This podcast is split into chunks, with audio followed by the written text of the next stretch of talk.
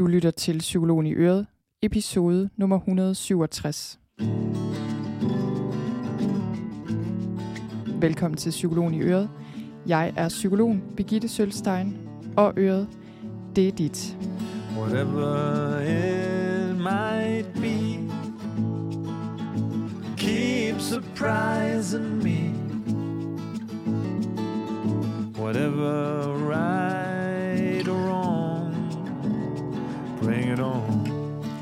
Velkommen til den her episode, og godmorgen, hvis det også er morgen, der hvor du sidder, nu hvor du, eller står eller går, nu hvor du lytter til episoden her. Det er ikke sikkert, det er det, men det er morgen her.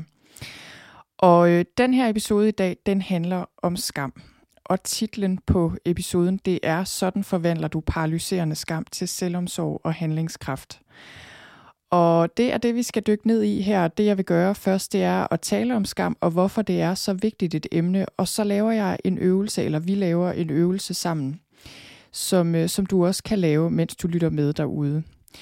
Og jeg har lavet en episode om skam for ikke så længe siden. Det var episode nummer 163, og den hedder Skam, øh, eller hvad hed den? Sådan bruger du skam som brændstof for noget konstruktivt i dit liv.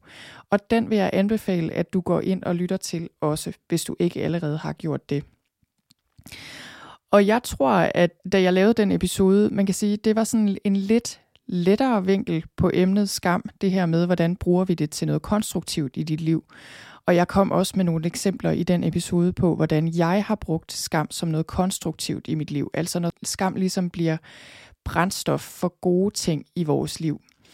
Og jeg tror, at jeg gjorde det, øh, havde den vinkel på først, for ligesom at komme i gang med det her emne, fordi det er et kæmpestort emne, skam, og det er også sådan lidt tungt. Der er ikke rigtig nogen af os, der sådan vågner op en dag og tænker, ej, i dag har jeg lyst til at forholde mig til ting, jeg skammer mig over. Øh, der er ingen af os, der har lyst til at mærke den her følelse. Det lader vi så også bare være med langt hen ad vejen. Mange af os fortrænger den langt ned i det ubevidste, og så bliver den til alt muligt andet, der ødelægger ting for os. Men det var en god måde at komme i gang med det emne på, tænker jeg. Så øh, nu hvor vi er kommet i gang med det, så er vi klar til at dykke lidt mere ned i den side af skam, der handler om, at skam kan ødelægge rigtig meget. Det kan være, at du sidder og tænker derude lige nu, den her episode er slet ikke relevant for mig. Skam, det er ikke noget problem for mig. Så vil jeg sige til dig, jo, det er, hvis du er et menneske, så er den her episode med 99,999% sikkerhed super relevant for dig. Der var en, øh, eller der er en amerikansk skribent og psykoterapeut, der hedder David Friedrichsen. Han sagde, You are on the shame plane if you're human. Welcome aboard. Altså ligesom hvis vi alle sammen sad på et fly, og det var et shame plane, et fly, hvor man havde skam for at kunne være med ombord, så er vi der, så sidder vi der altså alle sammen. Jeg får også lyst til at sige velkommen ombord og velkommen til menneskeheden.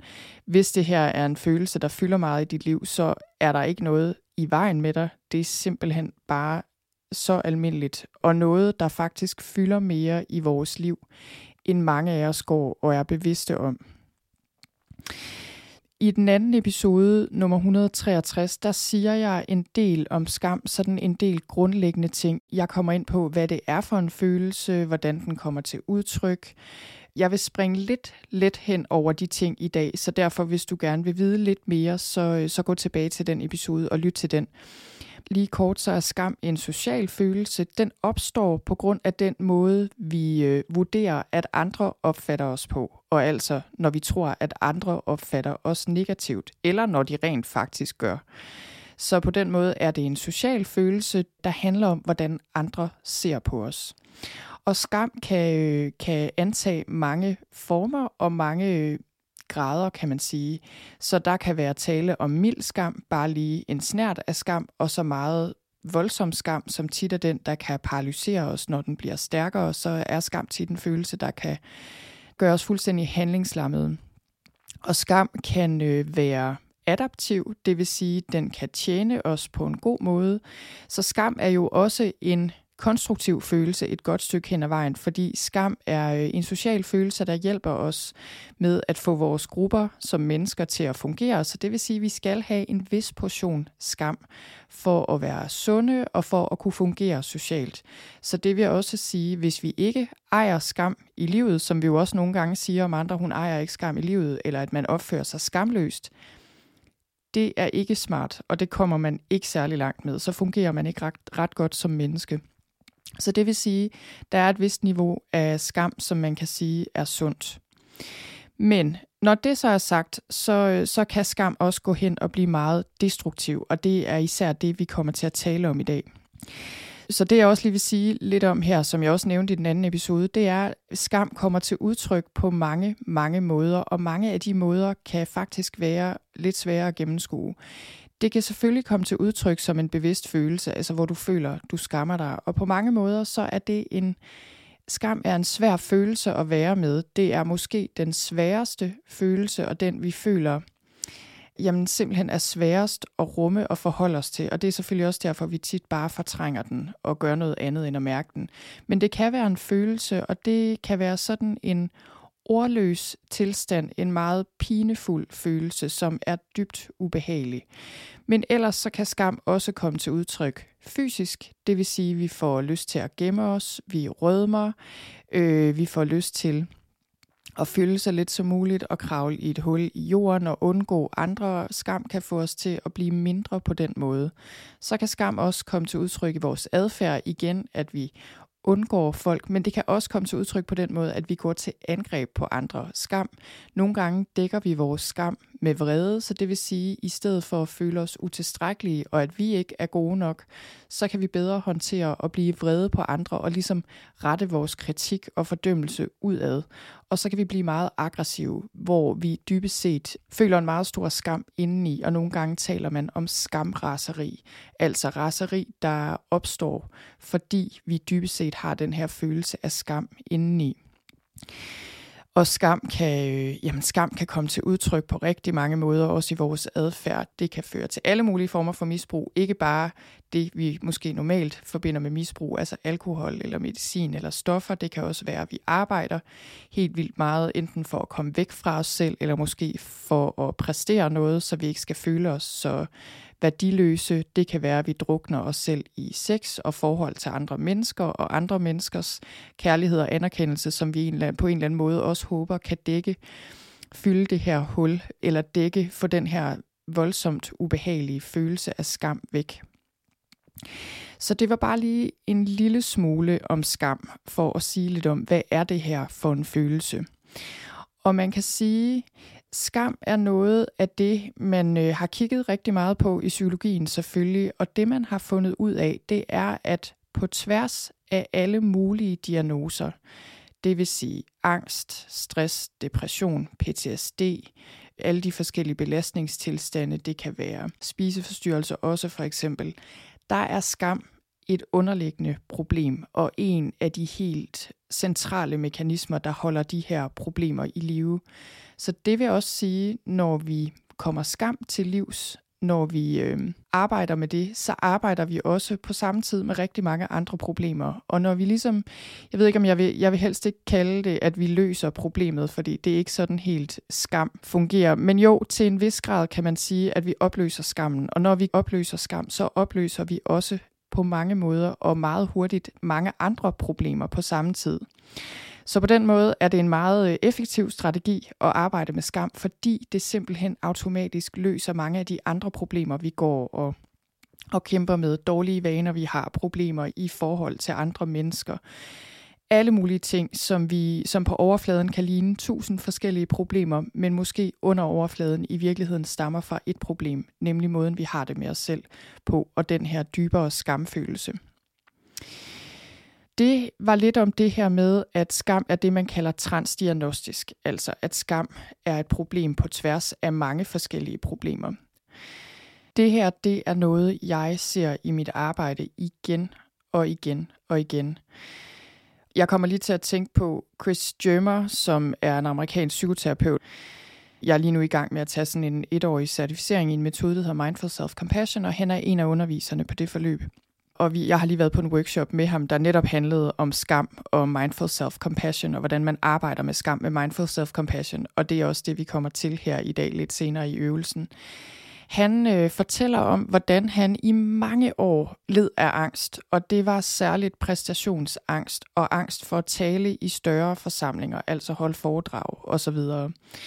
Og han havde ellers arbejdet, han var jo lærer og psykoterapeut og underviser, og han øh, havde arbejdet med det her i årvis. Han havde været mindfulness-lærer og, og psykoterapeut i mange år, og havde forsøgt at arbejde med den her angst på 100.000 måder, og det blev bare ved med at være et problem. Og det der så var, det var jo, at udover at den her angst kom op og var et problem, når han skulle holde foredrag og undervise osv., så, så, øh, så var der det, at han skammede sig enormt meget over det, fordi han tænkte, jamen hallo, jeg er mindfulness-lærer, jeg har mediteret i 100 år og været på retræter og arbejdet med det her i terapi, og jeg ved ikke hvad, og jeg har bare stadig det her problem. Og det skammede han så over. Og der, hvor han fik sit gennembrud, kan man sige, og fik løst problemet, det var, da det gik op for ham, at det han egentlig led af, det var ikke angst. Altså angst var egentlig ikke selve problemet. Selve problemet var skam. Og det, der skete for øh, Chris Germer, det var, at på et tidspunkt, så blev han introduceret til Mindful Self-Compassion, eller jeg tror, det var Loving Kindness meditation, altså kærlig venlighedsmeditation. Det er en form for meditation, hvor man siger sætninger til sig selv, hvor man sender sig selv gode ønsker i stil med, må jeg være lykkelig, må jeg være tryg, må jeg være sund, må jeg være fri af bekymring osv., og hvor man også sender de her gode ønsker til andre. Men kernen i den her meditation, og det der var det vigtige for Chris Germer her, det var, at man også sendte de her gode ønsker til sig selv. Og det ændrede noget for ham og gjorde, at den her angst fortog sig stille og roligt.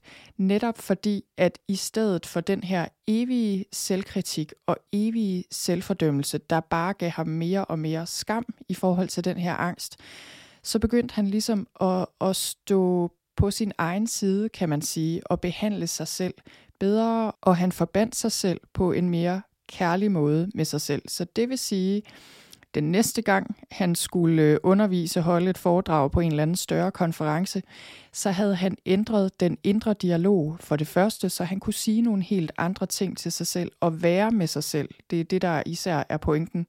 Rent følelsesmæssigt være med sig selv i situationen på en helt anden måde. Og han kunne også forbinde sig til de andre i salen på en anden måde på grund af det her arbejde med loving kindness. Og det var det vigtigste, der gjorde, at han opløste den her angstproblematik, kan man sige. Det synes jeg var meget interessant, og jeg har virkelig tænkt meget over det, siden han fortalte den historie, fordi jeg kan spejle mig øh, så meget i det. Angst har også fyldt meget i mit liv, sådan lidt af omgange faktisk, da jeg var yngre. Men, øh, men også her senere i mit voksenliv kom der et punkt, hvor jeg, blev, øh, hvor jeg fik rigtig meget angst. For nu, nogle år siden var det første gang, det sådan dukkede op til overfladen efter ikke rigtigt har været et problem i mange år. Men jeg kan også i den grad se, at selvfølgelig er angsten ubehagelig i sig selv, men det, der virkelig skabte problemerne, det var, at jeg skammede mig så meget over det, og jeg fordømte mig selv. Jeg tænkte, hvor herre bevares, jeg er psykolog, det her burde ikke være et problem. Jeg ved så meget, jeg ved rigtig meget om angst, jeg ved rigtig meget om nervesystemet, jeg kan hjælpe andre med angst. Hvordan i alverden kan det her være et problem for mig? Og jeg kan så tydeligt se, nu, at det, der egentlig er problemet her, det var også skam for mit vedkommende. Og, øh, og det gjorde, at jeg prøvede at få det til at gå væk med vold og magt, fordi jeg tænkte, at med mindre det her går væk, så er jeg ikke okay. Så på sådan en ubevidst måde tænkte jeg, at jeg skal fikses, jeg skal have det her væk, før jeg kan komme nogen som helst vegne med mit liv.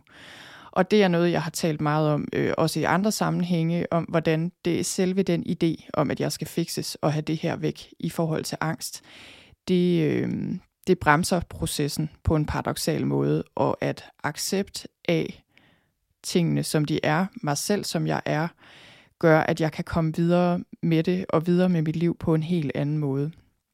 Så jeg kunne virkelig genkende det, Chris Jømer han fortalte her.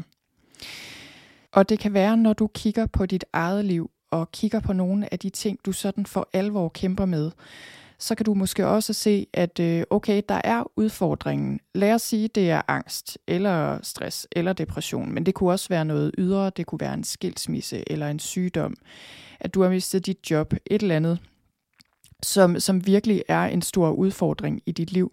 Måske kan du også se, at ja, der er udfordringen i sig selv, men så er der også den måde, jeg er med mig selv i det. Og tit er den måde meget selvfordømmende. Måske kan du se, hvordan du kritiserer dig selv, bebrejder dig selv, skammer dig over det, holder det hemmeligt. Alle de her ting, der bare gør det meget værre og, øh, og virkelig paralyserer dig og faktisk gør det meget svært for dig at gøre noget konstruktivt ved situationen. Så inden vi går videre til øvelsen, som kommer lige om lidt, så er der noget, jeg gerne vil understrege omkring skam. Det er, at skam føles meget virkeligt. Og skam er jo også virkeligt på den måde, at det er en følelse. Det kan komme til udtryk som tanker i vores adfærd, nogle af de ting, jeg allerede lige har talt om. På den måde er skam jo en reel ting, som findes. Men på den anden side er det også en illusion, fordi det er ikke sandheden om, hvem du er. Uanset hvor dyb den her følelse føles, så er det stadig kun en følelse. Så Tara Brach, hun er amerikansk psykolog, hun er psykoterapeut og buddhistisk lærer. Hun siger om de her følelser, om alle følelser, men især de her meget øh, ubehagelige følelser. Hun siger, at de er virkelige, men ikke sande. Real but not true. Og sådan er det også med skam, at det er en realitet, at vi føler den her følelse. Det sætter sig i kroppen, det sætter sig i sindet, det sætter sig i vores relationer. På den måde er det en virkelig ting, men det er ikke sandheden om dig. Så det er en følelse, det er ikke en fakt. Og en meget stor del af det her med at blive fri af skam og begynde at opløse skam som noget, der har så stor magt over dit liv og som paralyserer dig fuldstændig, det er at træde et skridt tilbage og adskille dig fra den her følelse, fordi den er ikke dig. Mange af os lever et liv, hvor vi er 100% identificeret med vores følelser og vores tanker for den sags skyld. Så vi tror, at de er os. Så når vi har en følelse og oplever en følelse, så er vi fuldstændig opslugt af den og handler ud fra den og kan ikke rigtig, har ikke rigtig noget mellemrum mellem os og så følelsen. Og sådan er det også tit med skam, fordi det er en følelse, der sidder så dybt, og det er også en følelse, der er så ubehagelig, at den kan meget nemt kabre os. Så jeg siger ikke, det er nemt det her. Det er også det, jeg prøver at sige, at de her stærke følelser, vrede, angst, skam, kæmpemæssig sorg, smerte, det er voldsomme følelser, så det er ikke bare sådan lige det her med at træde et halvt skridt tilbage og se dem udefra. Det er jeg udmærket klar over. Jeg skal være den sidste til at sige, at det er nemt at håndtere nogle af de her ting. Men skam er bare en følelse. Og det her handler ikke om, at vi skal skaffe os af med alle vores følelser, fordi vores følelser er vigtige. De fungerer som et kompas, som vi tit skal bruge til at navigere efter, men ikke altid, hvis de fortæller os, at vi er forkerte, at vi ikke er noget værd, at vi ikke må noget, at vi ikke kan noget. Og det er tit det, skam prøver at fortælle os. For lige at skelne mellem skyld og skam, så skyld får os faktisk tit til at handle på bedre måder. Altså skyld hjælper os på den måde, at vi føler, at vi har gjort noget forkert, og så kan vi jo sige undskyld og prøve at gøre det bedre, eller gøre det anderledes næste gang. Men skam hjælper os ikke rigtigt, fordi det giver os en dyb fornemmelse af, at vi er forkerte. Og på den måde kan man sige, at vi får en følelse af, at med mindre vi laver os selv om på et helt grundlæggende plan, eller med mindre, at vi ligesom på en eller anden måde burde være anderledes. Og det hjælper os ikke, det paralyserer os fuldstændig. Og den øvelse, jeg vil lave med dig her i dag, den, øh, den hjælper dig til at komme ud af den her lammelse. Så jeg har tænkt lidt over det her med, jamen hvorfor er det skam paralyserer os på den måde? Altså det gør skam jo, fordi det er en følelse, der inviterer os til at gemme os og fylde sig lidt som muligt, og lade være med at sige noget, og lade være med at være noget. Så på den måde, på sådan en helt fysiologisk måde, så får skam os bare til at blive mindre. Men jeg tror også grunden til, at skam kan ødelægge så meget, det er netop fordi, at for mange af os er det en fuldstændig ubevidst følelse og usynlig følelse. Og det er også en af grundene til, at jeg begynder at tale mere om skam. Det er egentlig noget, jeg har haft med i mit arbejde altid. Som jeg også delte i den tidligere episode, så skrev jeg speciale om skam, og det er noget, jeg altid har været ret bevidst om i mit arbejde. Men for mig at se, er det faktisk ret vigtigt, at vi sætter mere ord på det her som sådan et underliggende problem, i stedet for at blive ved med at tale om alle de problemer, der kommer på grund af skam. Og det er vigtigt, så vi kan blive lidt mere bevidste om, okay, hvad er det egentlig, der foregår? Hvad er det egentlig, der driver os rundt i manesien? En anden ting, jeg lige vil sige her, det er, at nu har jeg jo lige sagt, at det her er et alment menneskeligt problem, hvilket det er. Men det er selvfølgelig også sådan, at nogle af os er plaget af en dybere skam end andre. Og det kan der være forskellige årsager til. En af de ting, der kan gøre, at vi får en dyb skamfølelse, er selvfølgelig ting, vi oplever i vores barndom. Hvis du er blevet udsat for omsorgssvigt, det forvandler sig og sætter sig som en dyb skam og en følelse af ikke at være noget værd i et barn.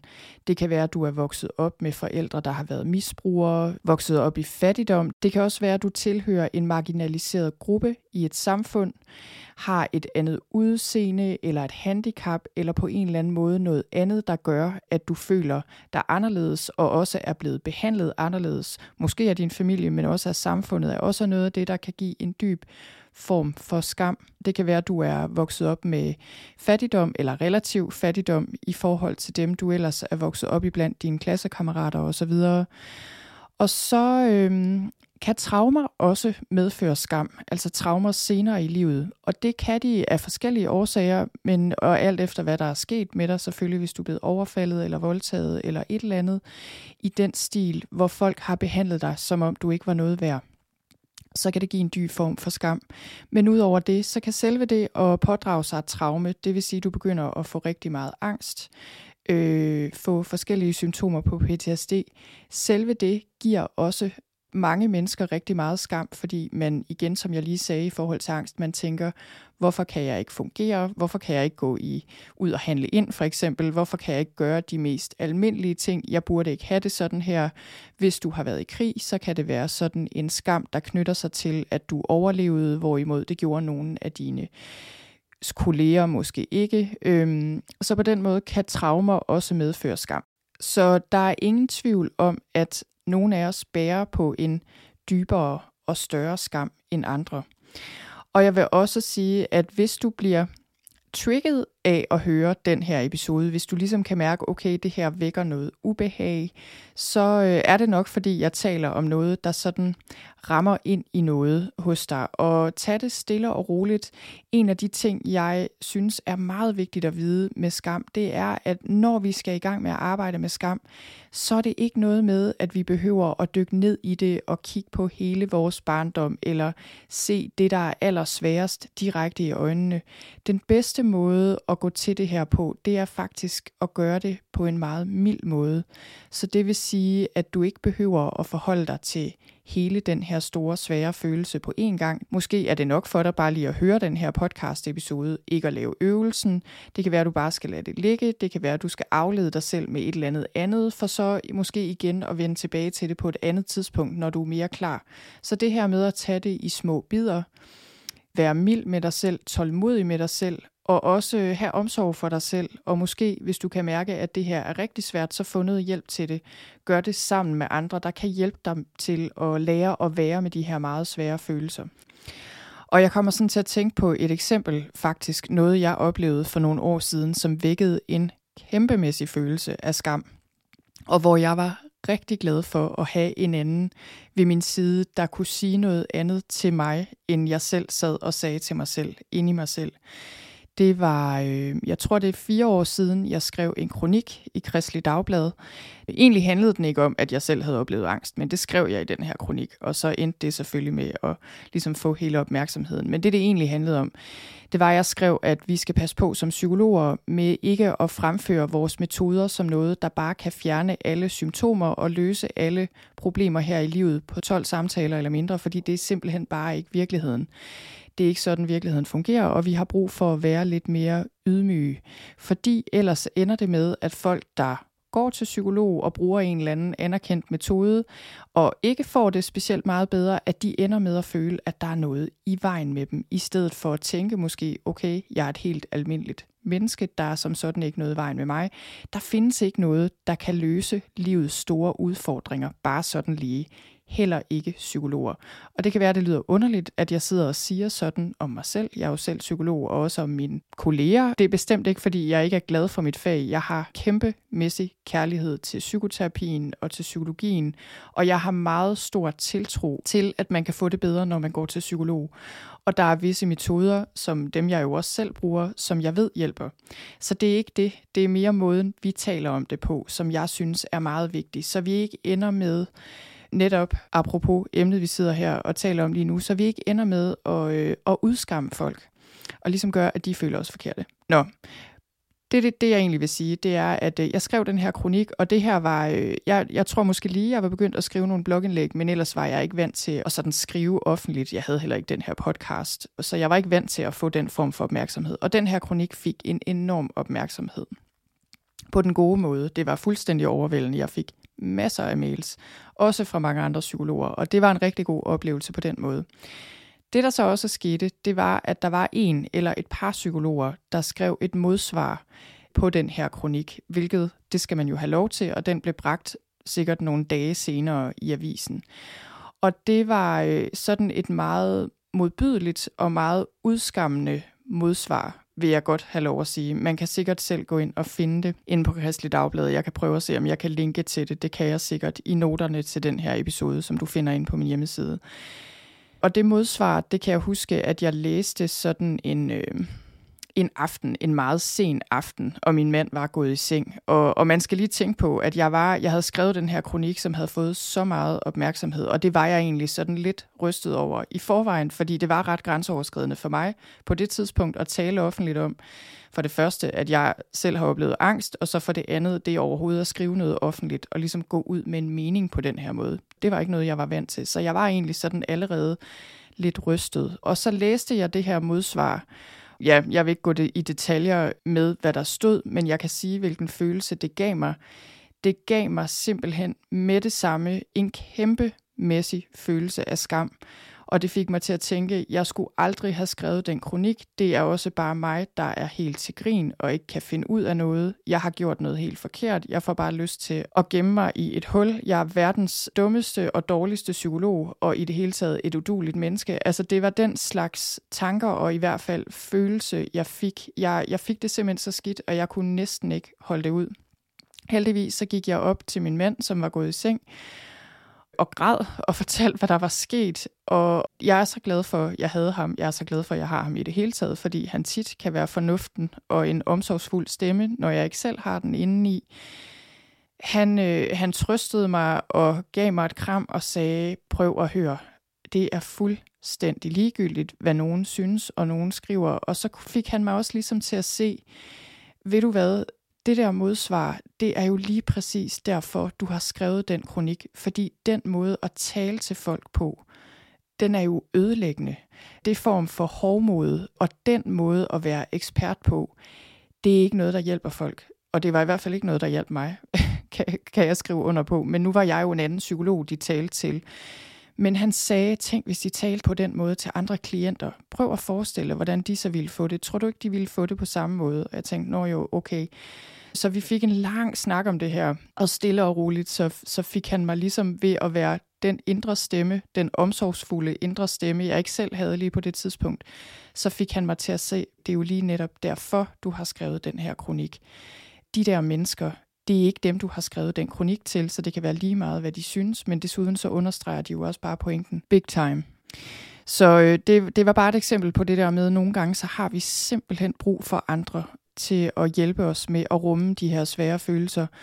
Det vil jeg også sige til dig, hvis du bliver ramt af et skam anfald, som jeg, som jeg kalder det, så skynd dig og ring til den nærmeste, eller find den nærmeste, du ved, der kan give dig et kram, og som hjælper dig med at holde op med at bebrejde dig, og ligesom kommer med den her mere kærlige og venlige stemme. Det bliver lige lidt en længere historie, men, øh, men jeg synes, det er et godt eksempel på, hvad der sker, når skam kommer ind i billedet. Og jeg vil sige, øh, at det her, det var en oplevelse, der lærte mig rigtig meget, og det gjorde mig lidt mere hårdhudet, kan jeg se, og gjorde, at jeg også fik mod til at have en blog, som jeg begyndte på på det tidspunkt, og mit nyhedsbrev, som jeg sendte ud til folk, og ligesom tale mere i offentligheden. Fordi det gik op for mig, at det kan jeg godt. Jeg kan også godt tåle, når folk giver mig den slags kritik. Jeg skal bare sørge for at have nogen i baghånden, og det har jeg heldigvis. Så nok om det og tilbage til øvelsen, som vi skal i gang med nu. Og jeg vil lige sige, at den her øvelse, det er egentlig den øvelse, vi også lavede i nummer 163. Og i episode 163, vi lavede den her øvelse i Mindful Self-Compassion med både yin og yang. Så det vil sige med både øh, yin, det er den her mere accepterende, omsorgsfulde, på den bløde og milde måde, og yang, det er den mere målrettede form for selvomsorg, hvor vi handler og gør det, vi har brug for at gøre. Og den øvelse, den kan man høre. Jeg har lagt den sammen med noterne her, sammen med den her episode også, som en selvstændig øvelse, man kan klikke på og trykke play, og så kan du lytte til den. Men det var bare for at sige, at den øvelse, vi laver her, det er egentlig den samme øvelse, men her har jeg bare lavet den specifikt i forhold til skam. Så øvelsen tager cirka 5 minutter, og jeg vil invitere dig til at lave den her sammen med mig nu. Hvis du vil, så kan du finde noget at skrive på og med, fordi det kan være rigtig godt at tage lidt noter til undervejs, hvis du har mulighed for det. Men ellers kan du bare notere tingene mentalt. Det du skal begynde med, inden vi begynder øvelsen, det er lige at overveje, hvad du kan vælge fra dit eget liv, som er noget, du skammer dig over, eller noget, der giver dig en følelse af skam. Og jeg vil råde dig til ikke at vælge den allerstørste ting i dit liv, eller det allersværeste. Du vælger selv, men som jeg lige sagde før, så er det rigtig godt at gå til det her på en mild måde, trin for trin. Så vælg noget, der måske giver dig en snært af skam, eller en mellemstor form for skam. Så det kan være, det er noget, nogen har sagt til dig. Det kan være en måde, du blev behandlet på. Det kan være et eller andet problem, du har, du skammer dig over, en måde, du dømmer dig selv på. Så brug bare lige et øjeblik på at tænke over, hvad du kan vælge at arbejde med her. Og når du så har gjort det, så øh, går vi i gang med den her øvelse, som er en øvelse i Mindful Self-Compassion med skam. Så den første del af øvelsen, den er øh, i tre dele, den her øvelse. Den første del af øvelsen, den handler om at være bevidst nærværende. Det er der mindfulness kommer ind i billedet. Mindfulness betyder bevidst nærvær.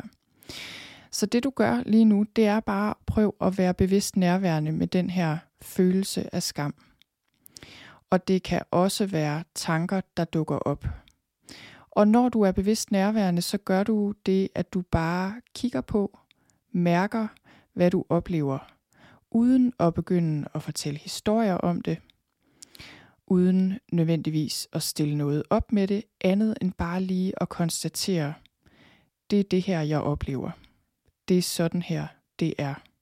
Det er, hvad det er. Det kan være, at du kan mærke det et specielt sted i kroppen, eller flere steder i kroppen, og så kan du bare mærke efter, måske se, hvor det sidder i kroppen, og så konstatere, okay, jeg oplever den her følelse af skam, eller den her fysiske fornemmelse. Og på samme måde, de tanker, du kan mærke, der er til stede, de ting, du siger til dig selv, bare kig på dem, og se dem for, hvad de er, nemlig bare tanker. Måske kan du sige til dig selv, jeg har den og den tanke om det og det. Så den første del af øvelsen her handler altså om bare lige at være bevidst nærværende med det, du oplever, og den følelse, du har. Så nogle gange, hvis vi er meget stærkt identificeret med en følelse, så kan det være svært at få den her lille afstand. Et billede, der måske kan hjælpe dig, er at forestille dig, at du står og kigger ind i en tørretumbler. Så måske har du tidligere været inde i tørretumbleren, hvor du simpelthen kravler ind og vivler rundt med tanker og følelser. Det du gør nu, det er, at du kravler ud af tørretumbleren, og så står du bare og kigger på den, og ser på, hvordan tøjet vivler rundt og rundt. Og tøjet er dine følelser og dine tanker. Så på den måde er dine tanker og dine følelser og dine fysiske fornemmelser, de er ikke dig. Det er noget, du oplever og kan stå og observere, uden at du behøver at blive kabret af det. Næste trin i øvelsen er, at du minder dig om, at du er et menneske som alle andre – og at vi er fælles om at være mennesker, og at vi er fælles om at have det svært. Så øh, her, der kan du sige til dig selv, jeg er ikke alene, jeg er ikke den eneste i verden, der oplever skam. Der er mange, der har den her følelse. Det er en almindelig del af livet. Og du kan eventuelt lægge en hånd på hjertet, når du siger de her ting, eller berolige dig selv ved at give dig selv et knus. Og prøv også at lægge mærke til din stemmeføring. Sørg for at have en venlig og mild stemmeføring over for dig selv. Det vigtige her, det er, at du træder ud af den selvkritik og selvfordømmelse, som er så nem at blive kabret af, og så erstatter du det med en mere venlig og kærlig og mild dialog inde i dig selv.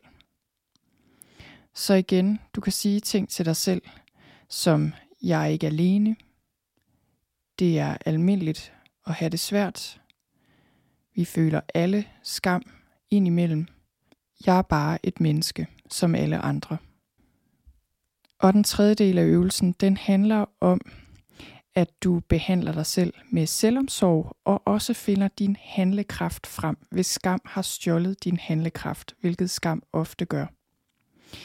Så den første del af den her sidste del af øvelsen, der finder du din selvomsorg, og det er her, vi taler om en yin-form for selvomsorg. Og det her, det handler om at være med tingene præcis som de er. At være med dig selv præcis som du er at være med den her følelse, den her følelse af skam, præcis som den er, uden at gøre dig selv forkert. Så igen, så handler det her om at sige venlige ord til dig selv og støttende ord. Det her, det er ord, du kunne have brug for at høre fra en anden, der bakker dig op. Så det kan være ord som, jeg er lige her. Jeg accepterer mig selv, som jeg er. Det er okay, jeg har det, som jeg har det. Jeg tilgiver mig selv for at have det, som jeg har det. Jeg behøver ikke at være perfekt. Jeg holder af mig selv, uanset hvordan jeg har det. Så det her, det handler om at, øh, at give dig selv noget ægte venlighed og ægte forståelse. Og du kan ikke fake det her. Det her, det handler ikke om positiv tænkning, eller ligesom at prøve at få alt det negative væk ved at sige noget positivt til dig selv. Det handler om at stille dig ved din egen side og bak dig selv op. Du skal forestille dig, at du lægger en arm omkring dig selv, i stedet for at du står over for dig selv og bebrejder dig selv og står med løftet pegefinger. Så du holder med dig selv her og siger ting til dig selv, der hjælper. Så det var yin-delen, den her del, der handler om at være med dig selv, være sammen med dig selv på en kærlig måde. Så kommer vi til yang-delen, der er den mere målrettede og handlingsrettede del af øvelsen. Selvom er ikke bare at være venlig og kærlig over for os selv indeni og sige ting til os selv, der hjælper os at acceptere os selv, som vi er og som tingene er. Det handler også om at gøre det, vi har brug for at gøre, og gøre det, der hjælper os.